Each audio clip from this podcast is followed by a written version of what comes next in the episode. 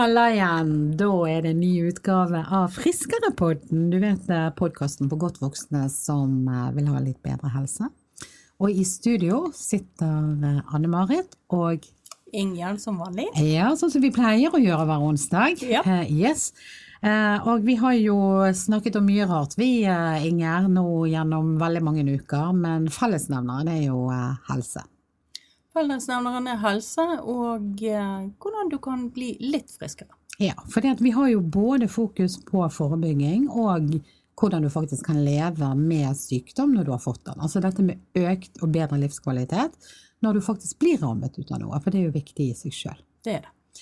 Og vi har snakket veldig mye om gener. Du vet, eh, I de første podkastene og veldig lenge så snakket vi om livsstilsendring i forbindelse med at jeg fikk diabetes type 2. Eh, og i den forrige podkasten har vi snakket om kreft. Altså veldig mange sammenhenger så kommer jo dette med genetikk inn i bildet. Det gjør det. Dette med at vi på en måte har en eh, forutbestemt eh, risiko. Ja, det er på en måte, det føles liksom sånn herregud, de der jækla genene, altså. Jeg får med meg noen dårlige gener fra mor og far som jeg må slite med i dette livet. Det er liksom litt sånn, sant. Men dette med å ha, at du er nødt til å ha i mange sammenhenger en genetisk disposisjon som, som, og en livsstil som utløser noe, sant. Og i dag så har vi faktisk en spennende gjest i studio. En som kan mye om dette med gener. Velkommen til oss, Per Erik. Tusen takk. Jeg vil gjerne at du uh, presenterer deg sjøl. Hvem er du? Ja, jeg er jo født og oppvokst i Bergen da, og har gått uh, alle mine universitetsutdannelsessko her i byen. Via skole og videregående og, og universitetet i Bergen. Jeg har en sånn flott tittel, da. Kansient. Oh, wow. Kandidat til CNTA. Ja, det høres flott ut. Ja, hva, hva betyr det? Hovedfag. Yeah. Um, nå til dag så vet man jo ikke hva hovedfag er. Det snakker snakk om bachelor og master og sånne ting. Dette er faktisk, Hvis du skal se på antall år og litt sånn mengde, så er det faktisk litt lengre enn master. Ok, Hva, hva tok du hovedfag i, da?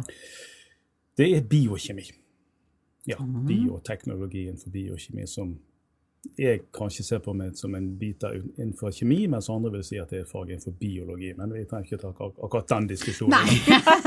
Men for oss som er litt uinnvidde her, og for lytterne som kanskje ikke vet, kan du, kan du liksom si en liten ingress på hva, hva er det du har studert? Altså, hva er dette store området? Ja, Biokjemi, det er bio, altså biologisk. eh, Det er kjemiske prosesser i levende organismer proteiner og vitaminer og fett og sukker og alt. Og hva er det som skjer inni kroppen, hvordan og hvorfor? Hvordan ser alle de stoffene i kroppen vår ut? Og ja, altså Det er jo en, en forskerutdannelse, da, så kan man, kan man, finne ut ting som man ønsker å finne ut. Og Ja. masse forskningsprosedyrer rundt det. Men du jobber ikke som forsker i dag? Nei, det gjør jeg ikke. Jeg er jeg håper å si, litt artig å nevne liksom, genetiske disposisjoner og sånne ting. Så hvis jeg sier at min mor var lærer, og min far var lærer, og min bror er lærer, så, så, så var det vel ikke til å bli overrasket over at jeg har vært innenfor undervisning, jeg også en, også en hel del. Ja, Både i grunnskole og eh, universitet og Ja. høyskole. så det jobber du som i dag. Ja. Hvorfor eh, koble oss litt på dette med gener? For vi er jo veldig nysgjerrige. I utgangspunktet så kan vi lite, og vi har ikke snakket i tidligere podkaster om dette med hva genmateriale og gener er for noe. Så nå fortell oss litt. Grann, ja, mange timer har jeg nå, da. Ja, du vil la det gå. Ja, det er jo for at Skal man forstå litt om eh, for jeg, Et viktig stikkord i dag i hvert fall er jo epigenetikk. eh, så Nå vil ikke vi komme til det riktig ennå, men skal vi liksom få med oss alt rundt det og se the beauty of genetikk, så må vi kjenne litt til gener først. Eh, Og det er mye vi kan si om det. Jeg skal prøve å si litt lite om det. Det finnes altså innenfor eh, alle celler i kroppen legg merke til det, alle celler i kroppen har den samme DNA-et, de samme genene i seg. Uansett om det er muskelceller, nerveceller eller fettceller eller hva som helst. Uansett, alle celler har nøyaktig de samme genene inni seg. Og det er jo også litt interessant, egentlig, fordi at selv om disse cellene har nøyaktig det samme kontrollsenteret inni seg som genene er, så har vi mange forskjellige typer celler. Sant? Vi har ca. 200 forskjellige celletyper i kroppen. Alt, nå nevnte jeg jo noen, ikke sant? muskel og fett og nerver og hår, ja, i det hele tatt. Så hva er det som gjør at disse cellene da blir ulike celler, selv om de har nøyaktig de samme eh, kontrollmekanismene i seg som DNA er? Det er litt interessant, og det kommer vi litt tilbake til etterpå. Mm. Eh, men jeg har også lyst til å si, altså, vi kjenner jo til at, at det er 46 kromosomer. Eh, 23 par. Eh, nå skal jeg spørre dere faktisk, medprogramledere her. Eh, denne her, Jeg vet ikke om dere har sett bilder, eller hvis dere går tilbake igjen på, på skolebenken, så ser dere jo kanskje disse kromosomene som er sånne x-er. Så Ja. husker det. Ja. Det er jo bare en liten del av de. Sånne x-er vanligvis er det jo en sånn stor spagettiklump der de ligger kveilet opp sammen. Tenk dere at vi tok disse spagettitrådene da, og så strakk vi de ut sånn at de ble helt rett. Og så koblet vi sammen alle disse da 46 småbitene som vi finner i én celle. Hvor langt tror dere denne her samlede DNA-tråden i ett stykk, og nå snakker vi jo langt ned på mikroskopnivå, hvor lang ville den tråden i ett stykk celle bli, tror dere? Oi, oi, oi. Vet du hva, Inger? Jeg lar deg svare på dette. Jeg har ikke gjort hjemmeleksen min. Altså, der tok du og spør Ja, ok, det er første Det er gang. Vi var, er- ikke, vi var ikke til stede i den skoletimen. Det er antagelig mye lenger enn det du innbiller deg. Det er det du er frem til. At dette her er Ja. Eller Det høres Jo. langt ut. Sant? Ja. Hvis vi nå starter da på denne ett stykk celle, type mikroskopstørrelse, så blir altså denne troen de fleste sier henimot to meter Ok. i én celle. Eh, Men hvis jeg da tenker at jeg tar denne tometeren fra alle celler i en standard menneskekropp, hvor lang blir det da den totale DNA-troen? Hvor mange celler har vi, sa du? Ja, det var en gang jeg som sa det er jo et lett regnestykke, det er to ganger antall celler. Ja. Vi har sånn, en standard har ca. 10 trillioner. Det er 12 nuller. Er Ja. Mange, mange. Og der har vi svaret. To ganger eh, ti Ja, trillioner. ja ok da. Det, det, ja, denne drar jo litt ut når vi har eh, undervisning, for dette er jo litt sånn morsomt, men, men greit nok. I hvert fall jeg syns det er morsomt. så hvis vi starter herfra, da, og så kan vi se i retning Oslo, eksempel, og så letter vi blikket enda litt, og så kommer vi ut forbi jorda. Så kommer vi til månen, Såpass? og så kommer vi videre til solen. Wow. Og så kommer vi tilbake igjen. 70 ganger. Yes. Så Ett menneske. Ett menneskets DNA går herfra til solen og tilbake igjen 70 ganger. Gud, det visste du ikke, Inge? Nei, det ante jeg ikke. Det hadde jeg ikke tippet i Men, ville Men det er jo veldig fascinerende. Ja, jeg, jeg, det er jo, altså, Nå kjente folk det ble litt sånn eh, gåsehud. Ja, For fikk sånn Hårene reiste seg og ja. Det, er, altså, ja, det, det er jo Ja, det er helt- ja, altså, det er jo helt en, en, en lengde som er ufattelig. Det, det, det forteller jo også at menneskekroppen, i dette tilfellet genet, og DNA, det er bare helt ufattelig Men når, komplisert. men når vi sier DNA, hva, hva er et DNA? For det er jo veldig mye snakk om et DNA, sant? Litt sånn, Det er jo nesten fun fact, men hva betyr bokstaven i DNA? Ja. D, D for deoxyribo, N for nuklei- nucleic, A for acid. Altså deoxyribonuklein syre. Betyr absolutt ingenting sånn sett for de fleste, men der, der kommer bokstavene. Nei, Det er jo et, et, et langt molekyl da, eh, som, som ligger kveilet, og så blir det lest av noen andre molekyler som lager et mellomprodukt som heter mRNA. Nå må ikke det bli for komplisert, dette. Men så går det mRNA-en ut fra kjernen, altså ut i selen, og så lager det da det koder. altså det gir oppskriften for hvordan at sel kan lage proteiner. Så det ender opp i proteiner. Men når vi snakker om DNA i hverdagsspråket, eller i, sånn, i det alminnelige liv, så er det sånn at ja, de finner DNA f.eks. i kriminalsaker. Ja. Eh, for, med det så betyr det at DNA til hvert eneste menneske er forskjellig. ja. Bortsett fra hvis du har da eneggede tvillinger. Ja. Ja. Interessant. Altså DNA-et er ulikt hos alle. Mm. Mm. Og når jeg hørte dette første gang, så fikk jeg også sånn Wow! Jesus. Ja. Mm. Men jeg fikk faktisk i etterkant et enda større wow. Fordi at hvis vi nå er tilbake på skolen, skolebenken, eh, så husker i hvert fall jeg at jeg den gang lærte at genene det er det som gir oss våre karakteristika. Øyenfarge, hårfarge, om du kan ha øreflipp eller ikke, om du kan krølle tungen eller ikke. Sånne fysiske karakteristika. Det var liksom det som var gener, tenkte jeg. Og da er det sånn at denne tråden som går herfra til solen og tilbake igjen 70 ganger, der er det bare 1,5 prosent som er sånne gener. Ok. Og, ja, og da kommer jo dette obligatoriske vakuumet. OK, det ble listet Ja, og, og, det neste spørsmålet blir ja, men, men Hva er resten, da? Mm. Ikke sant? Hva er resten? 80% av denne tråden Jeg er litt sånn politiker. Hver gang putter jeg inn herfra til sol tilbake inn 70 ganger. Eh, 80% av denne tråden består av epigener. Det vi vet, og så skal jeg si noe som vi også vet, men som mange ikke vet, men det vi vet er jo at selv om en celle har et gen, så betyr ikke det nødvendigvis at det genet gjør en jobb, og at det er aktivt. Og Det er derfor vi får da for sånn ca. 200 forskjellige celletyper i kroppen. For Hvis alle genene var aktive og gjorde jobb, så ville jo alle celler bli make. Det hadde blitt snodige mennesker ut av det. Om, Bare øyne. Ja. Eh, så selv om du har et gen, så betyr ikke det at det gjør en jobb. Så med andre ord, gen må ikke nødvendigvis gjøre en jobb, selv om det finnes der. Dette vet vi. Det som vi også vet, men som kanskje ikke har eh, sivet ut til den gemene hop der ute, om vi kan være litt sånn, ja, eh, det er at selv om du har et gen som virker, og gjør jobben, lager protein, så er det ikke dermed sagt at det gjør jobben og lager det proteinet hele livet. Ok. Det, det slår seg av og på, altså. Yes, det kan slå seg av og på. Nå er det kanskje litt enkelt å si på eller av. Som regel er det ved en sånn dimmerbryter at de er me- i- midt imellom Sånn, Litt større, litt mindre aktivitet. Men altså, virkningen, aktiviteten på et gen, kan altså justere seg opp og ned. Ok. Og det begynner jo å bli både fantastisk, men kanskje litt nifst også. Absolutt. For min, mitt spørsmål blir jo da hvem har nøkkel, eller hvordan er det man dimmer opp og ned?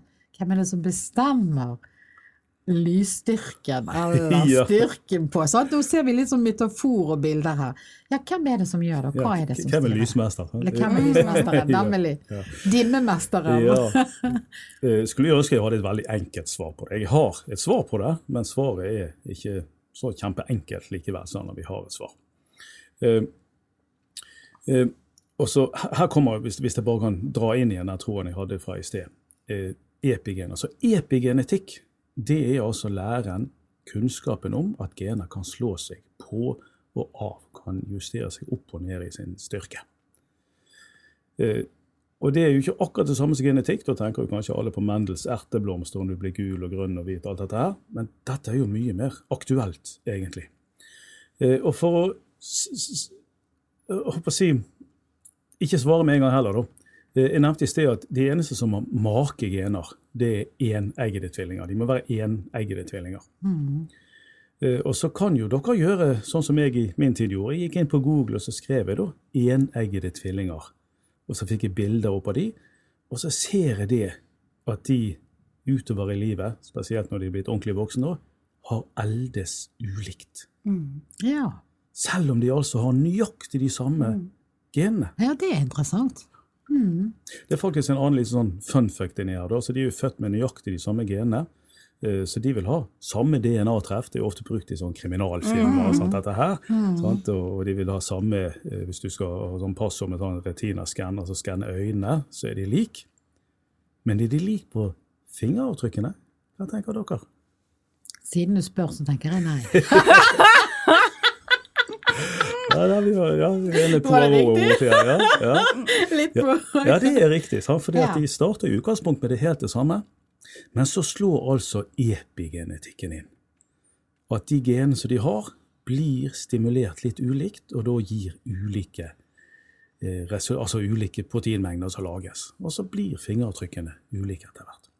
Og For å komme til eh, det korte spørsmålet som du hadde da, jeg er i gang med et langt svar nå. Eh, det er, for, for å svare kort, da, så er det din livsstil. Ok, det var det jeg fryktet. Ikke sant? Ja. Det er jo det vi har snakket om i veldig mange podkaster. Dette, dette samspillet mellom eh, genetiske Gener og arven livsstil. og livsstil. For det du egentlig sier da, Per Erik, det er jo det at uh, her ligger en stor del av ansvaret hos oss sjøl.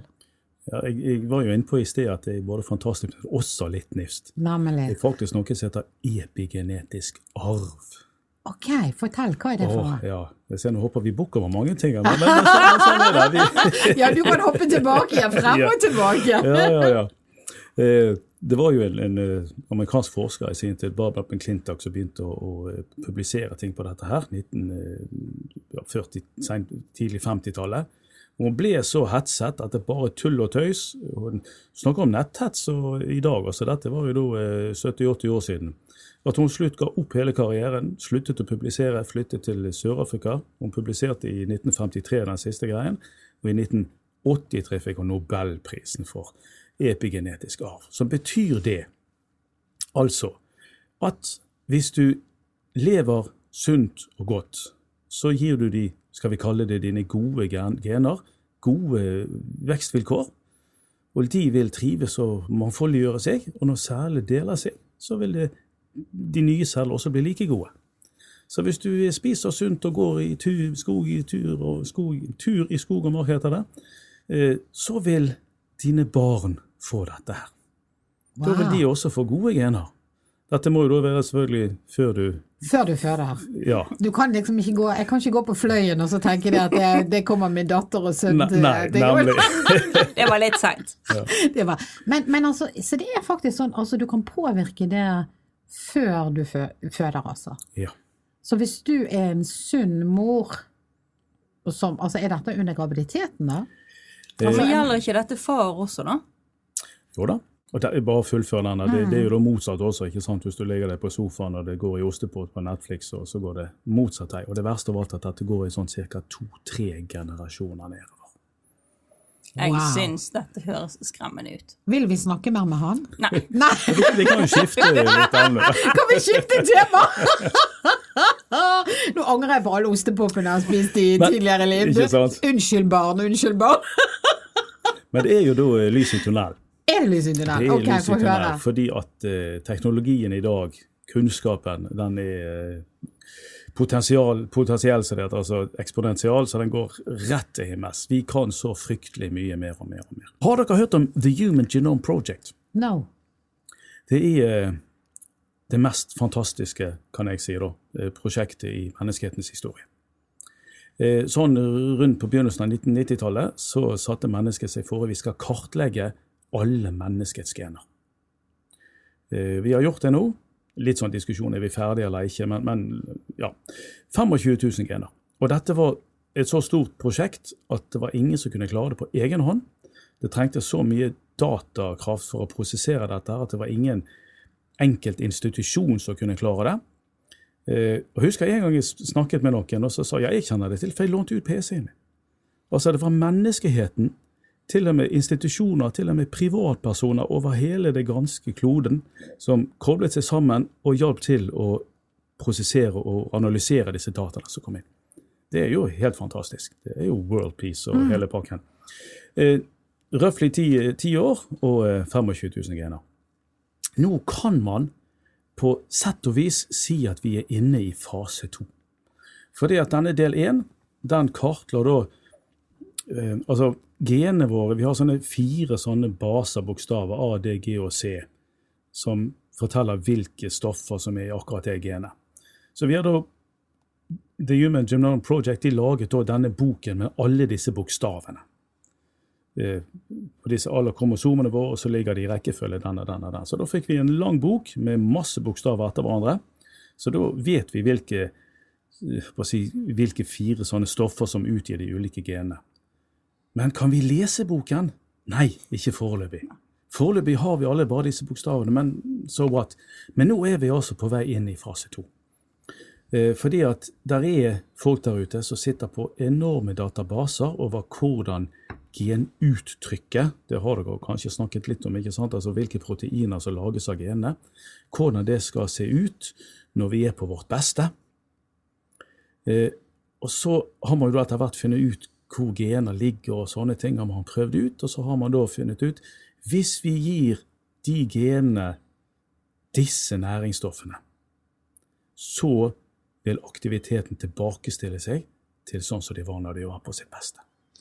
Ok, hva betyr det i praksis? Eh, det betyr jo i praksis eh, at du ved å gi eh, det, det, er litt for enkelt. Jeg må, må, det må henge litt i luften, så må jeg ha en annen liten eh, historie inni dette. Eh, litt tilbake i tiden, i gamle dager kan vi gjerne si, så tenkte vi at det var ett gen som styrte aldringen vår. det kan vi forholdsvis lett tenke seg til at det er ikke korrekt. For de aspektene ved å bli gammel, det er flere aspekter. sånn Musklene svinner hen, hårfestet siger ned, magen går ut, og du begynner å se dårlig, og, og sånne, sånne Hva heter det? Husketing, ja. Det begynner å bli vanskeligere. Sånne demensting. ja. Alzheimer. Ja, jeg lå inn, eller det var Ja, ikke sant. Eh, så det er mange ulike aspekter ved å bli eldre. Og det sier seg, kan jeg si, da, seg sjøl at ett gen kan ikke styre alt dette. Så du har genklynger, gene clusters, for de ulike I dette tilfellet skal vi kalle det egenskapene, da.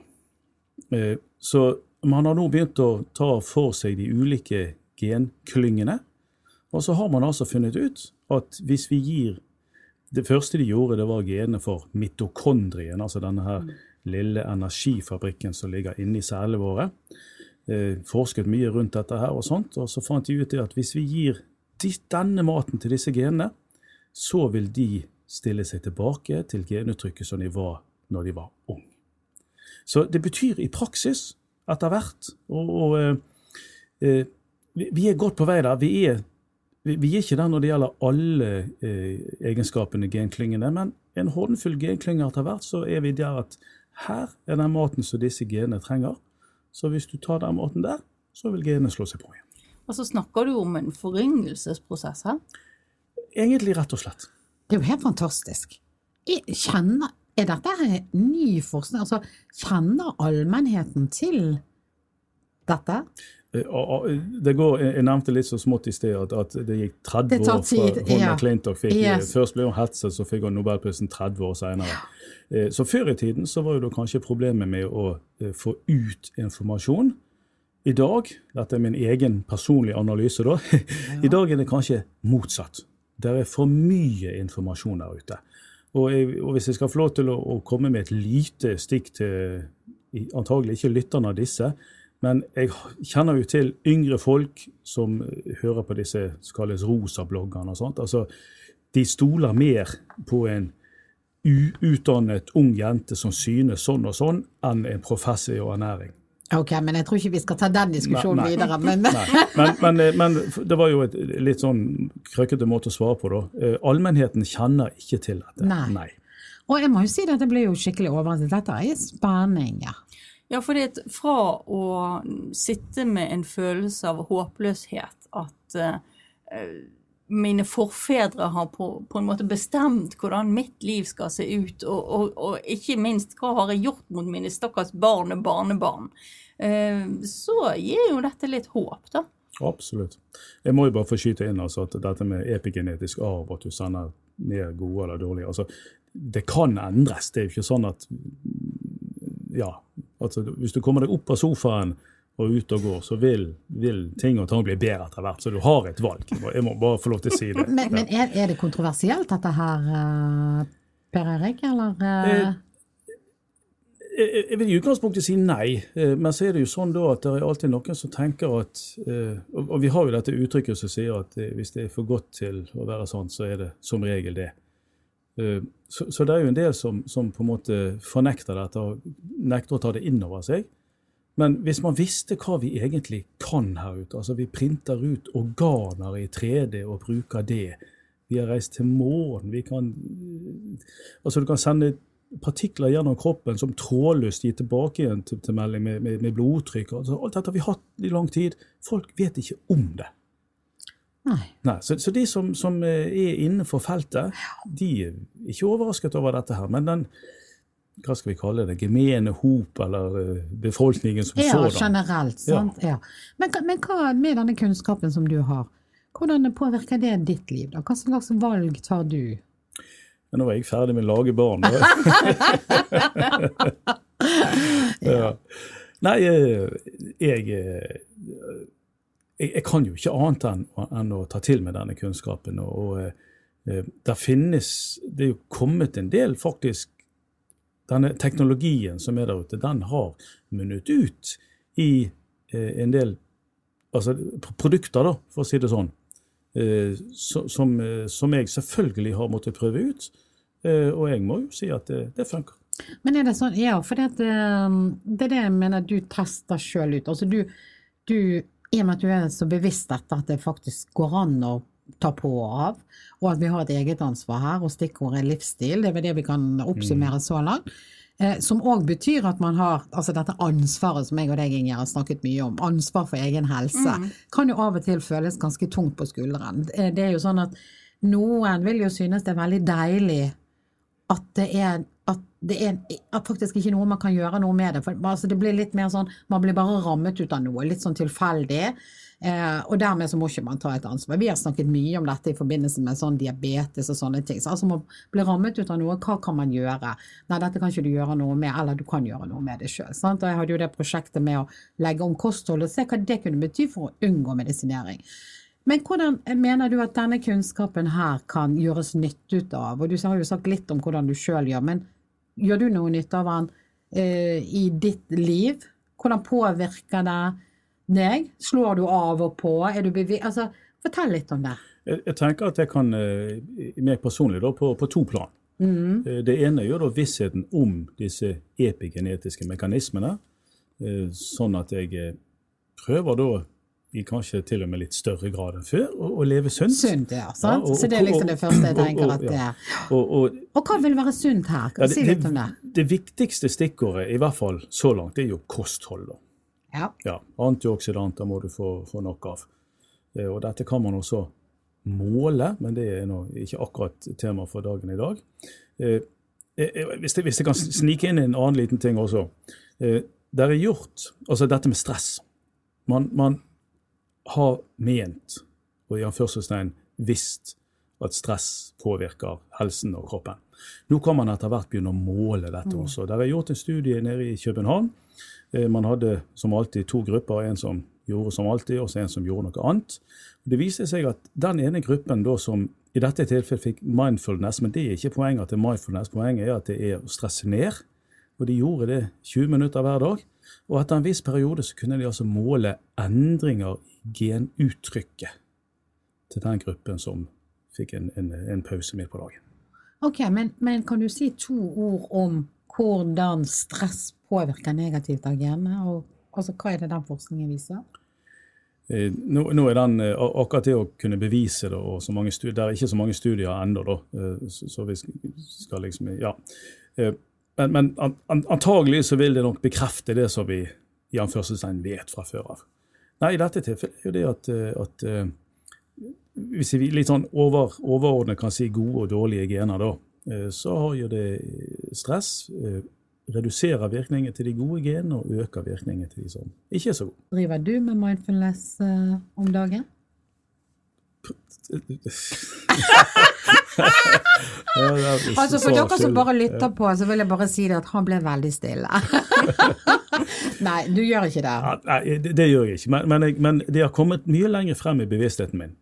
Eh, tidligere så eh, hadde jeg litt tid til over, så noe skulle vært gjort, men da gjør jeg det. Jeg, men nå har jeg faktisk tenkt det at i dag har jeg både tid og overskudd til å gjøre noe, men kanskje jeg i dag kanskje ikke skal gjøre noe, fordi at i dag skal jeg gjøre noe for for kroppen og hodet. Så, så, så, om jeg ikke gjør sånne veldig konkrete, bevisste type yoga, borti der, så, så, prøver jeg å stresse litt mer. Litt ja. mer enn før. Ja. Mm. Så det er den ene biten som du sa, altså dette med at du, du gjør noen sunnhets... Altså du, du, velger deg Du lever sunt. Eh, og så sa du dette med Sunnere. Sunnere, ja. Eh, og så sa du dette med antioksidanter. Tilførsel ut av det. Eh, hva vil det si egentlig? For vi har jo diskutert mye i forbindelse med livsstilendring. Det er jo så mange retninger, matretninger. Det er så mange måter å gjøre det på. Eh, og vi har jo hatt mye fokus på lavkarbo, fordi at det har gode resultater mot diabetes, som jeg har snakket en del om tidligere. og sånn. Eh, men det finnes jo alle mulige retninger. Noen følger Grete Rode, noen følger ditt, noen følger datt. Hva følger du?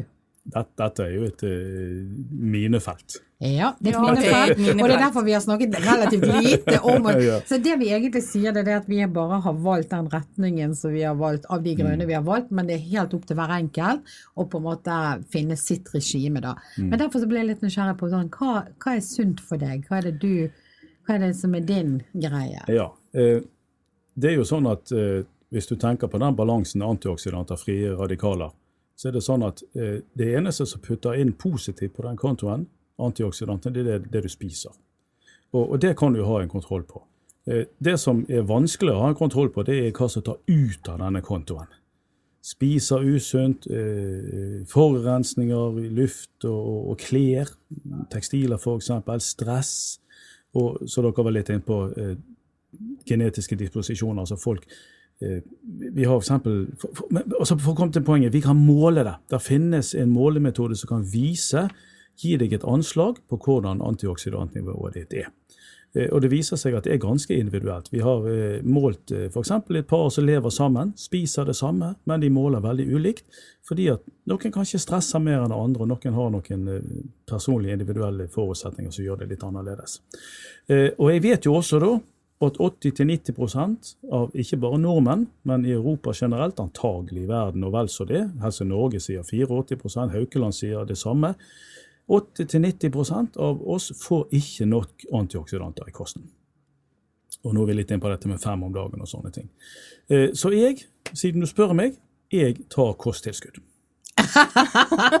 Ok, så du, ja, du tar kosttilskudd, og det gjør jo utrolig mange eh, av oss. Men hvis du ser vekk fra kosttilskuddet, hva er det du spiser? Spiser du, følger du liksom statens ernærings... Altså fem om dagen og brød og fisk og altså Hvordan tenker du rundt det? Hva er sunt? Eller rettere sagt, eh, hva inneholder mye antioksidanter av mat? Eh, Nå ble jeg Altså um, jeg, Dette er jo litt flaut å si, da. sant? Men, men jeg, jeg vet jo det at jeg klarer eh, Altså, hvis jeg skal få inn alt dette her gjennom min naturlige kost, så må jeg ligge om, om kosten min radikalt. Det var egentlig det vi ville fram til. Ja, og det eh, verken klarer jeg, skråstrek er jeg villig til å, å, å gå inn på. Altså, jeg, jeg, ja. Eh, så jeg har det litt i bakhodet. Prøver å spise litt sunnere. Prøver i hvert fall å, å, å kutte ut snop og sånne ting og borti der. Um, um, men så føler jeg da at jeg fikser dette her ved å spise multivitaminer eller Ja. Mm, så du tar i tillegg. Ja. Men eh, det er jo veldig interessant dette her. eh, Hva mer er det som er viktig å si rundt dette? Som ikke er sagt. Ja, Eh, som ikke er sagt. Det var vel kanskje det der Jeg sa i sted at jeg gjør det på to nivåer, og så har vi snakket om det ene.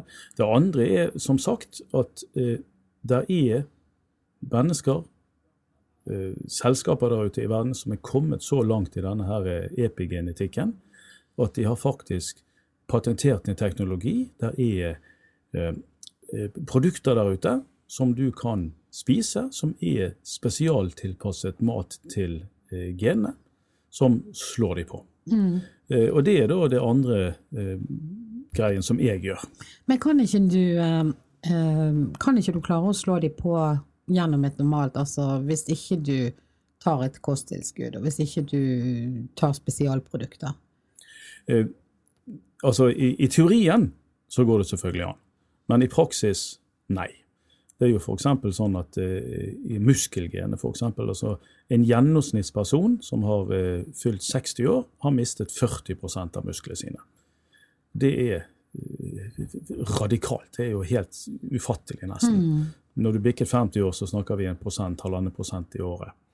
Eh, og dette er Altså, du Bare ved å spise mer frukt og sånn, så klarer du ikke snu dette her. Eh, I teorien det er alltid folk som klarer det. Jeg har sett bilder av folk, menn på oppe i 80-årene som ser ut som den bodybuilderen, men det er helt unntaksvis.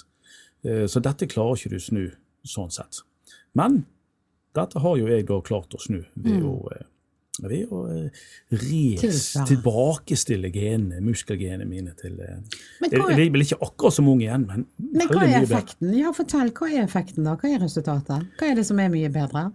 Ja, eh, Hvis jeg kan ta meg sjøl som eksempel akkurat på dette med, med muskelgenet, da, så er det jo sånn at eh, jeg gikk og, og tok en sånn bodyscan først, sånn at jeg fikk eh, både vann og skjelett og muskel og alt sånt i, i kroppen, og så skannet jeg etterpå. Eh, og eh, den ene gangen jeg gjorde det, så tror jeg faktisk gikk ned eh, var det 12 eller 14 kilo uten at jeg mistet muskelmasse. Mm. Fordi at det er jo muskler som forbrenner den mest bensin som du hiver inn. Så jo større motor du har, jo mer kan du forbrenne. Mm. Eh, Sånn, sånn lite sidespark av det, og veldig mange andre sånne dietter er jo Du mister muskler. Ja. Eh, Jeg må jo si at dette med at jeg tok av kilo, eh, det er jo i utgangspunktet ikke et slankeprodukt. Det er et produkt som gir deg meg muskler. Så enkelte gikk opp i vekt fordi at de var litt eh, pinglete, hvis jeg kan si det sånn. Mm. Sant? Jeg som hadde da litt for mye bensin på bålet i litt for lang tid, da ble bieffekten hos meg at jeg, at jeg gikk ned. Det ble en konsekvent resultat. Ja. Mm. Men det er vel også forskning så vidt som jeg vet, som viser at styrketrening kan eh, ha samme effekt på en godt voksen person som på en yngre. Ja, helt klart. Det, det har de jo gjort ved NTNU. Ja. Um, så, så det handler jo også mye om at du ikke, du ikke avfinner deg nødvendigvis med den eh, biologiske alderen du har, men at du ser at du har eh, muligheter. Og der, så kommer det jo et litt sånn kostholdbit inn i dette. da, for Skal du bygge muskler, så må du ha proteiner. Så da må du passe på å ha veldig proteinrik kost. Mm. Um, eh, men så, som- som- men så, så, så er det jo ikke sånn at enten så går alt til forfall, eller så er du struttende som alltid. Det er som regel noe greier imellom. Imellom. Ja. Ja. Mm. Men hvorfor er det viktig? eh, Vi er jo en podkast for godt voksne. Og det er jo det vi snakker litt om her nå. Sånn, hva skjer med aldring, og hva skjer med dette forfallet? Du snakket om 1,5 fra du var 50, ned i muskelmasse. Ja. Årlig? Ja. Eh, Hva, hva mer er det av sånne biologiske prosesser da, som blir påvirket ut av, eller som du kan være med å manipulere, da, eller eh, hva ord vi skal bruke for å, å stoppe da, en negativ utvikling? For det er vel egentlig det det er snakk om, å stoppe en negativ biologisk utvikling. Eh, hva andre ting kan du Eh, energi er jo et stikkord oppi her. Den maten du spiser, blir gjort om til energi. Eh, og, der, vi- det, det var den kjemitimen jeg ikke var til stede. Sant? Yes. Mm. eh, for disse energiene, eh, energien som produseres i kroppen, det går selvfølgelig til at du kan røre deg og alt dette her, men det er flere deler enn bare muskler, armer og bein som trenger energi. Eh, spørsmål til programlederen her igjen. Hvis du nå ligger i sengen og, og gjør ingenting, sånn at det bare at kroppen går på tomgang, eh, og så blir stikkordet her jernhode. Hvor mye tror dere av den energien som kroppen bruker, går til hjernen når du ligger i ro i sengen? Jeg har lest at det er ganske mye. Eh, Ja. Men jeg, vil- husker ikke Jeg vil hvor tro at det er mesteparten av energiomsetningen. Og så går han til de automatiske funksjonene i kroppen, som Ja. å holde åndedretter og alt mulig sånt. Ikke sant? Ikke. Men rundt regnet 70% av energien går til hjernen. Ok. Så på en måte kan du godt si at hjernen er kroppens største muskel. Eh, Og når energinivået eller produksjonen i, i kroppen avtar med alderen, så får hjernen mindre energi. Mm. Eh, og jeg, jeg nevnte Jeg var litt inn på, en av disse produktene som har kommet som følge av den epigenetiske forskningen som går på å eh, sette i gang i mitokondriene.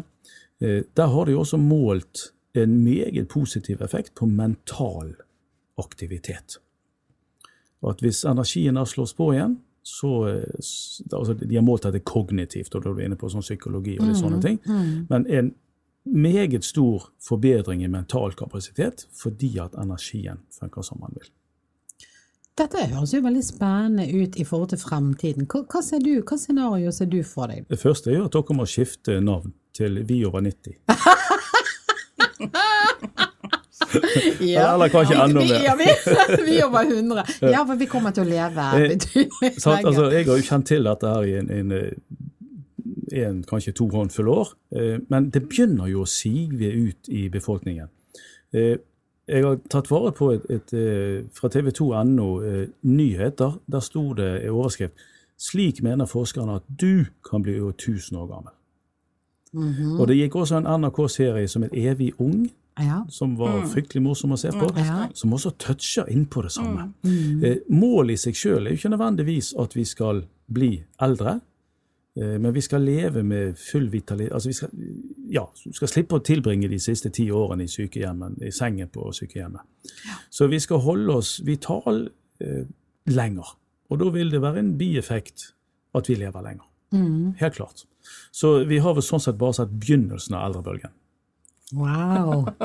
Ja, men hvor, hvor lenge tenker du at du kommer til å leve da? Så, eh, har du et sånn eh, har- perspektiv på det? Jeg har noen svin på skogen fra før.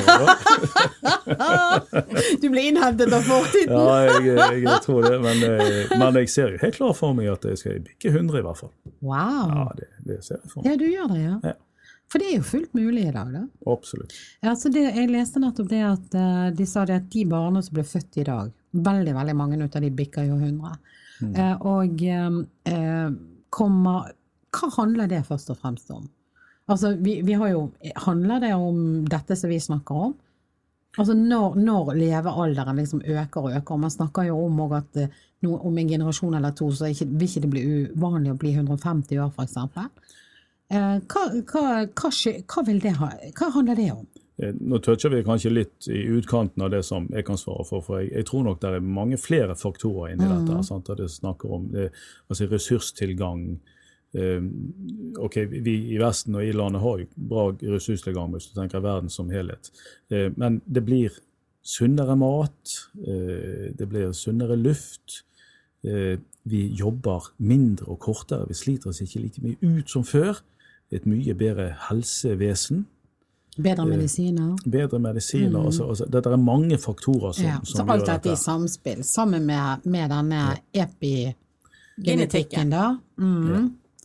Så, så eh, mm. Men altså, jeg tenker, eh, er det noe poeng å bli så gammel?